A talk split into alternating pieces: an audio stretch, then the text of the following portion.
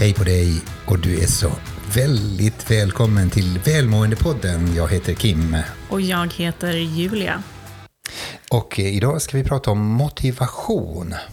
Ja, motivation. Och jag upplever att det pratas, eller att det har fått en liten uppsving igen, motivation. Att det pratas lite mer om det på sociala medier och ja, i olika samtal som jag hamnar i. Och jag tror det kan bero en del på eh, pandemin som har varit. Eh, att eh, vi har ändrat om vår livsstil till viss del och arbetsgivare har, har fått fler utmaningar till att motivera sina medarbetare som befinner sig eh, distans, eh, kanske jobbar hemifrån och så. Så att, eh, Eh, ja, det är ett intressant ämne. Det är det verkligen. Och det är alltid en fråga då för många i, i förhållande till sina mål och sina drömmar. Hur ska jag kunna få mig själv att bli motiverad till detta? Också på sin arbetsplats, när man får sina uppgifter eller sina mål ifrån sin arbetsgivare. Hur ska jag kunna motivera mig till det här? Vilka faktorer, finns det några faktorer som man kan eh, ja, fokusera på eller lära mig? Eller vad är det för knappar jag ska trycka på att min kropp ska fungera? För det är ju faktiskt så också, som vi brukar säga då, liksom att sätta upp mål, det är en psykologisk process. Men att uppnå mål är en annan process. Det handlar mer om kemisk process. Att, att kunna, kunna få saker och ting gjorda då, öppna sin mun eller använda sina armar och ben till, till rätt riktning. Och då är det ju faktiskt det att det handlar om motivation. Och motivation, det är ju... Ja, den som väntar på motivation eh, kommer ju aldrig bli motiverad, utan det handlar ju om att man behöver agera för att uppleva motivation. Eh, och någonting som man brukar prata om eh, kring motivation är ju det här med piska och morot. Ja, och det är ju då, förr i världen så brukar man ju prata i ledarskapssammanhang till och med då, liksom att piska och morot, det är det att man ska bara ge mor, morötter, eller på sätt, till sina medarbetare. Man pratar om pain och pleasure, eller hjärta och smärta. Att, att man skulle kunna då uppmana då någon till någonting så blir det väldigt bra, eller då hota med, med med olika saker. Så många föräldrar hamnar i den fällan då. Man hotar med någonting med sina barn och sen så blir det ingen verklighet av de hoten heller då. Och eh, barnen lär sig rätt så snart att men det där är bara tomma ord. Och eh, oavsett eh, eh, då, så, så, fungerar det inte. Vi kan aldrig motivera en annan människa. Motivationen är någonting som kommer inifrån. Man kan, man kan bara inspirera någon annan att, att, att kanske eh, skapa den här motivationen inifrån. Och, och det är väldigt viktigt att tänka, om du vill bli motiverad till någonting, antingen ta hand om din hälsa, ekonomi eller you name it, så ska du ställa den frågan, varför? Varför ska du göra det? Liksom, vad innebär det för dig? Däremot det här med morot och piska, det funkar för oss själva faktiskt. Det är ju så att vi får tummen ur då när, när, när vi känner liksom lite piska, liksom lite smärta. Eh, den jag använder i våran eh, utvecklingsmaterial Ledarskapsarenan en bild av att att, eh, av motivation att om någon kommer in i ett rum och avbryter ett möte och ser att det finns någon som delar ut hundralappar där ute, vill ni följa med? Så är det sannolikt att vi kommer att säga, nej men stör inte, vi har ett möte här, för att det är ju den här eh, pleasure, eller då liksom moroten, den är inte tillräckligt stark. Men om samma person kommer in med en, ett vapen, AK5 och viftar och sådär ut härifrån så dröjer det inte många bråkdels sekunder för att du lyfter upp din, en, din enda lykta och så sticker ut. Och, för att den här smärtan är mycket starkare och då får du, får du det eh, är, är igång då. Liksom. Men eller då dig själv att motivera, det handlar om den kortsiktiga i det här hjärta och smärta. Precis, och det är ju viktigt att ha det i åtanke. Att handlar det om att motivera sig själv eller handlar det om att motivera andra? Eh, och då om vi kollar på hur organisationer och företag brukar arbeta så är det fortfarande många idag som använder morot och piska, alltså belöning eller smärta eller vad man nu säger.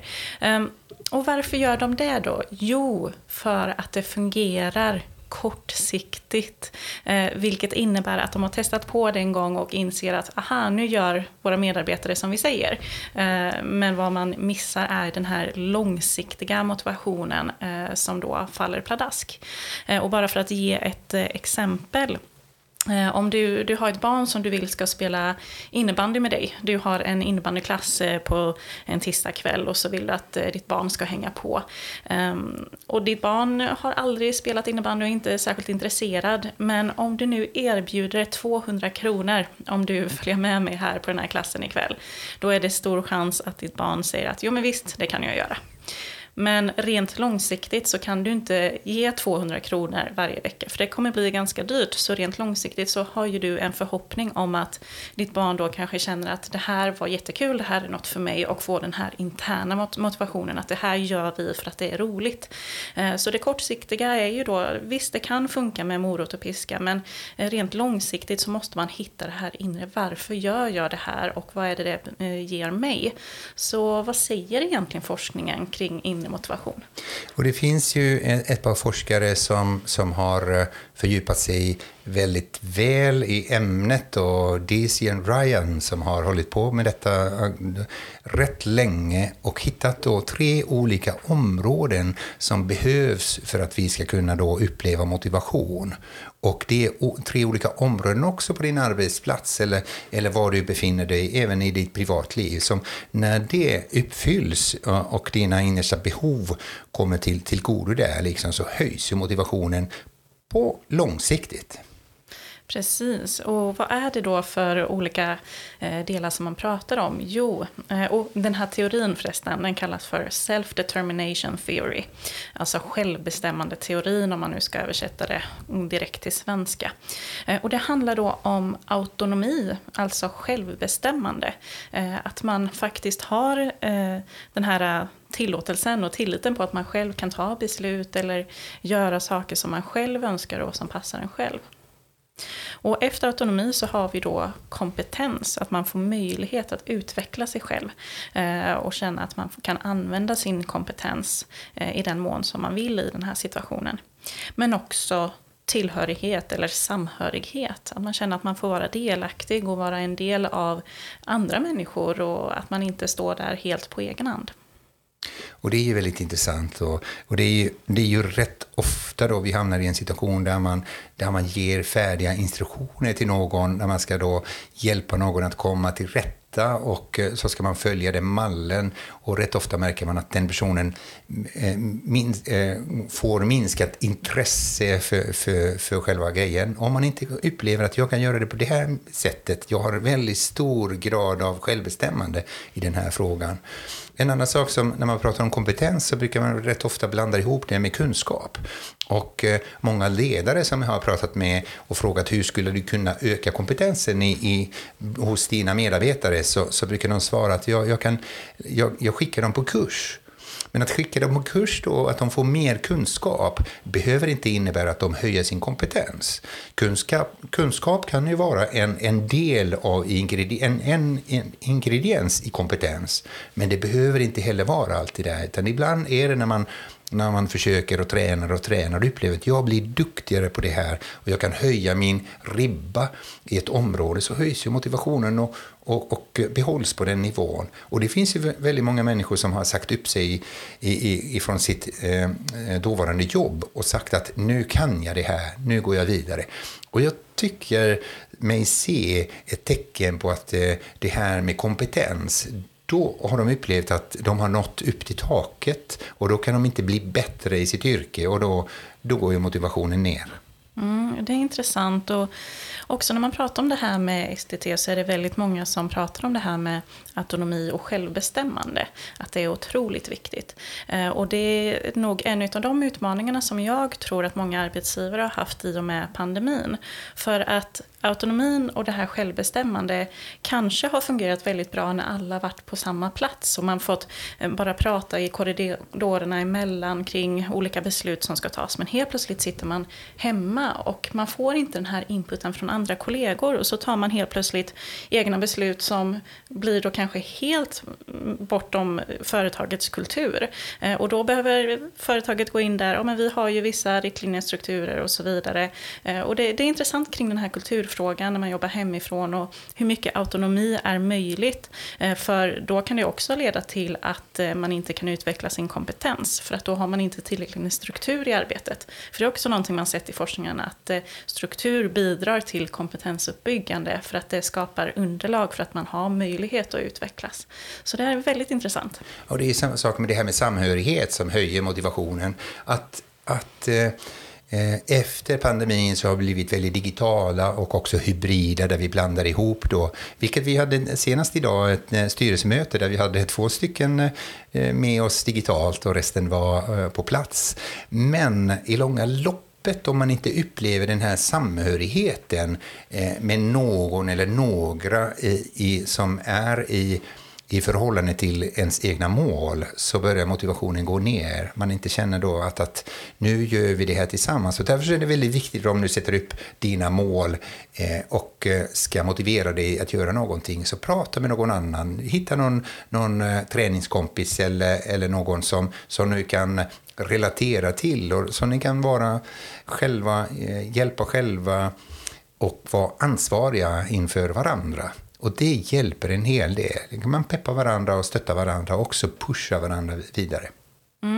Och när man pratar om self-determination theory så brukar eh, forskarna även prata om det här vikten av internalisering. Nu låter det krångligt här, men låt säga du kanske är arbetsgivare eller har ansvar över en grupp människor. Det kan vara också kopplat till din familj eller din vänskapskrets till exempel.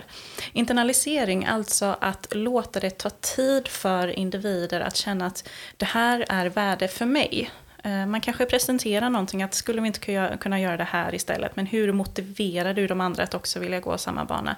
Jo, då behöver de tid för internalisering och känna att eh, de här värderingarna och tankarna, det passar bra med vem jag är som person och där, där kommer vi då in till det här med varför. Varför gör vi det här? Ja, det är otroligt viktigt. Alltså att eh, börja fråga sig, vad är det, vad innebär det här för mig? Vad är det liksom? Rätt ofta så försöker vi åstadkomma någonting där vi inte har vårt why med oss. Och det är därför eh, jag har frågat i många sammanhang då, finns det någon här som har upplevt när du har försökt att uppnå något mål och du inte nådde dit, att du känner en känsla av lättnad? Och det är många som räcker upp sin hand då, och det innebär att de har inte riktigt haft det här i sin nervsystem då inprogrammerat. Eh, att när de inte nådde målet så blir de förvånade. Det gjorde de inte, utan någonstans finns det en röst där inne som säger, det, vad var det jag sa? Du kommer inte klara av det här. Så att eh, när du hittar ditt varför så blir det skillnad. Om du är intresserad av att göra någonting så gör du det vad som är bekvämt för att nå dit. Men om du är committad att göra någonting så gör du vad som krävs. Och då är du taggad att kavla upp ärmarna och visa yes, jag klarar det här. Mm. Så försök fundera nu på ditt liv. Vad är det du vill ha ökad motivation inom? Eh, och den här klassiska, eh, vad man brukar dra är ju det här, ska du ut och börja springa? Oftast när man pratar om motivation så är det ofta kopplat till hälsa, att man ska gå till gymmet eller springa eller så. Eh, till en början, första steg, då kan det absolut vara morot och piska som krävs för att du faktiskt ska komma igång. Att om jag inte går ut och springer nu så får, får jag inte det här. Eller om jag går ut och springer nu så får jag det här efteråt. Det kan göra att du faktiskt tar det ut. Men du måste långsiktigt bygga upp ditt varför. Varför gör du det här? Jo, för att du vill förbättra dina kolesterolvärden. För att du vill leva länge, du vill leva ett hälsosamt liv. Och rätt ofta börjar det att lägger du ribban så låg som möjligt, som James Clear förklarar i sin bok Atomic Habits, eller en procents eh, någonting på svenska. Eh, eh, just detta att om du ska börja springa så börja med vanan att plocka fram dina, dina gympaskor eller joggingskor och lägga dem fram då framför dörren. Och ta på dig dem, sen kan du ta av dig dem. Och så börja där. Och sen så några steg och så vidare. Bara du skapar en vana så kan du höja den då. Det är väldigt viktigt. Rätt många lägger ribban väldigt högt upp och sen så försvinner då motivationen efter ett tag. Men om du skapar en vana att komma fram dit så, så känns det att okej, okay, jag blir bättre, bättre, ökar nämligen din kompetens och märker att jag blir bättre, bättre eftersom du gör lite noteringar och tycker att du gör det på ditt sätt. Hitta ditt sätt att göra det eh, då och träna på ett roligt sätt. Du behöver inte göra på det viset som alla andra gör, utan hitta ditt sätt och relatera till någon annan också. Mm. Och jag brukar dra den här när vi har föreläsningar att eh, om du ligger i soffan, ser på TV och äter lite smågodis, då kommer motivationen aldrig dyka upp. Men sen kanske du bara bestämmer dig för att nu går jag ut och springer. Och så ut och springer, det är jättejobbigt och du håller igång dina minuter och sen när du kommer hem, då känns det så skönt och där har du motivationen. Och så tänker du, det här ska jag göra imorgon igen. Men imorgon igen, så då har du inte motivationen där, för den har försvunnit. För motivationen kommer efter du har agerat ofta. Och det gäller för dig nu då att tänka och använda III-modellen och det står för idag, inte imorgon. Vad tänker du att göra idag för att höja din motivation eh, inför det som du vill åstadkomma? Vad är det jag ska göra? Vilket är ditt första steg? Och med det så eh, vill vi tacka dig så otroligt mycket för att du lyssnar på Välmåendepodden. Och du vet att vi finns på Facebook och Instagram. Du kan följa oss där och hör av dig med dina frågor. Eh, vi finns här för att ge svar och stötta och motivera dig.